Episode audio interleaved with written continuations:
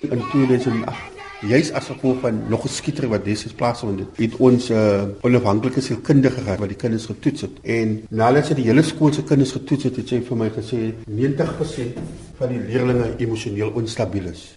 80% het 'n low self-esteem. Uh, 70% 'n feeling van completely hopelessness. 10% is extremely aggressive. Na 14 jaar as skoolhoof van Edendale Primêre Skool, ken Melvin Fourie Manenberg so goed dat hy 'n terreinkaart op die swartbord kan teken sonder om enige bronne te raadpleeg. En voor my oë ontvou die verhaal van 'n skool wat op die grens tussen twee strydende bendes vasgevang is. Die leerders binne die skool kom uit van die hardlewings en kom van die Americans gebiede af. So dit is ons leerders Dis 'n skool se mammies, 'n skool se daddies, 'n skool se families, hè. So die skool in homself dan is 'n kernpunt van by die skole.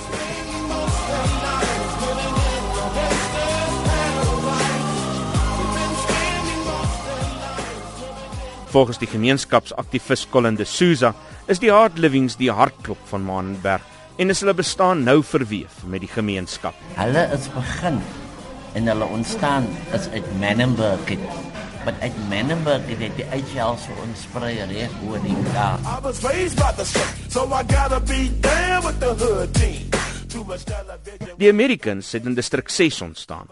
Saam met talle ander bendes soos die Hard Livings sluk hulle die kinders van die Kaapse vlakte in en spoeg hulle as dwelmafhanklikes en misdadigers in vervalle woonbuurte uit, sê 'n ma, Cheryl Abrams. Ek kyk so die kinders aan, hulle is so jonk om hulle lewe so weg te wil gooi om te sit op 'n boks en sner te gesels. Daar's 'n huis wat in ons pad is wat gewendeliseer is. Die kinders hou nou daar uit. Die jeugtigheid van die bendelede bring mee dat die situasie in Manenberg en op die res van die Kaapse vlakte so plofbaar is. Die afgelope skietery nou is daar 'n verandering as wat in die vorige skietery plaasgevind het. In die verlede was die element 'n meer mature persoon. Nou is dit 15, 13, 14 jaar oud en hulle emosionele staat is nie volwasse nie. Hulle kan eendag snap en dan gaan jy in die slag bly. Die onstabiliteit ontwrig elke inwoner van Manenberg se daaglikse lewe. Skiet die mense, stikkie mense.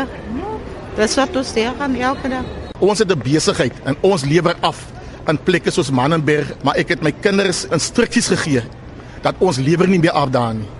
Jy nou al het daar by ons op pad gehaal. Afaligan, uh, skiet op alle enemies en dan afaligan sommer as hulle so verby Aluba afval die guns sommer uit ja. Inwoners is nie sonder rede bang nie. Skietgevegte breek sonder waarskuwing enige tyd van die dag uit.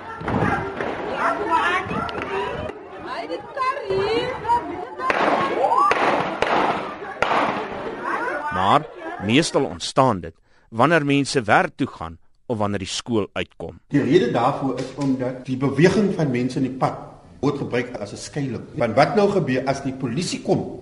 Jy weet dan is daar 'n klomp possibility van hideout. Die skietgevegte in Manenberg het altyd 'n impak op die skool omdat een van die bendes vanweë die ligging van hulle gebied na die skool toe skiet maar die sielkundige impak gaan sit nog dieper in die siel van Manenberg nou as daar konflik is tussen hierdie twee groepe dan word ons versmoor binne die middel want eers is 'n kind in die skool wie se pa of 'n ma seer gekry het of te ouer wat moontlik verantwoordelik was vir die daad wat gepleeg was. So um, die skool is dan uniek en dit is die social condition of die scientific condition die konsep waar die skool geplaas. Vir hy sê dit het hom lank geneem om die owerhede te oortuig om na sy argumente te luister dat die konteks van die skool in ag geneem moet word. Die inwoners verdink al die politici van politiekery omdat hulle so traag is om die inwoners se menings in ag te neem. Daar's mense soos Tony Ehrenrecht en Marius Fransman wat ANC is en ek stem vir die ANC, maar dit maak my hart seer as hulle goeie voorstelle van Don Plato so afskiet. Ons kry die indruk ANC mense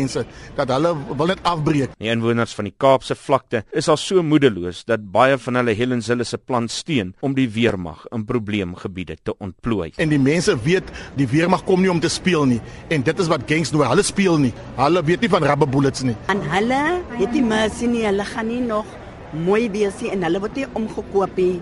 Maar dis nie so eenvoudig nie, waarsku Melvin Fourie. Volgens hom word daar verkeerdelik aanvaar dat dwelms aan die wortel van die probleem sit. Hy sê die bendes bestaan nie as gevolg van dwelms nie. Die probleem lê nog dieper. Daai konflik daar was saamgesmelt met die konflik hier.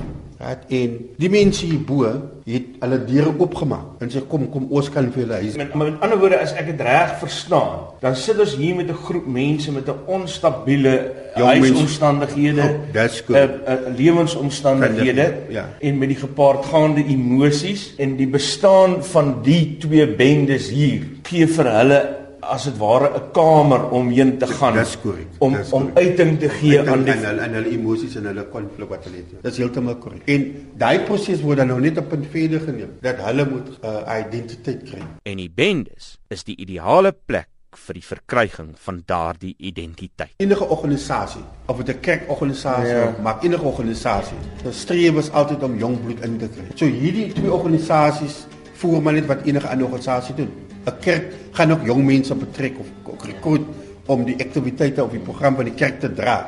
So dit beteken die is organisasies en hulle moet ook jong bloed inkry okay. om hulle naam of hulle organisasie verder te bou.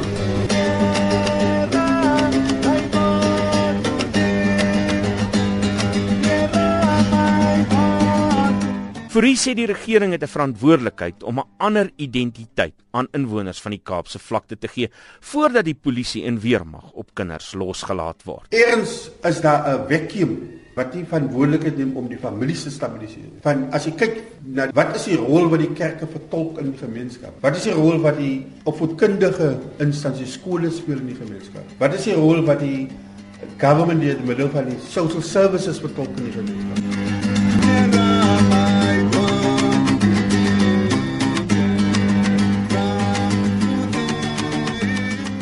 Tussen droom die mense van Mannenberg oor 'n nuwe lewe sonder bendes en dwelms. Faisal, 'n dwelmafhanklike en iemand wat al baie dinge in die lewe ge-experience het, soos hy dit stel, bedryf 'n straatstalletjie in Kaapstad om die hel op die Kaapse vlakte te ontvlug. Ek het drome. So inderste wat ek kan my drome volmaak as ek op my eie drome werk. Die fucking land gee my niks. He.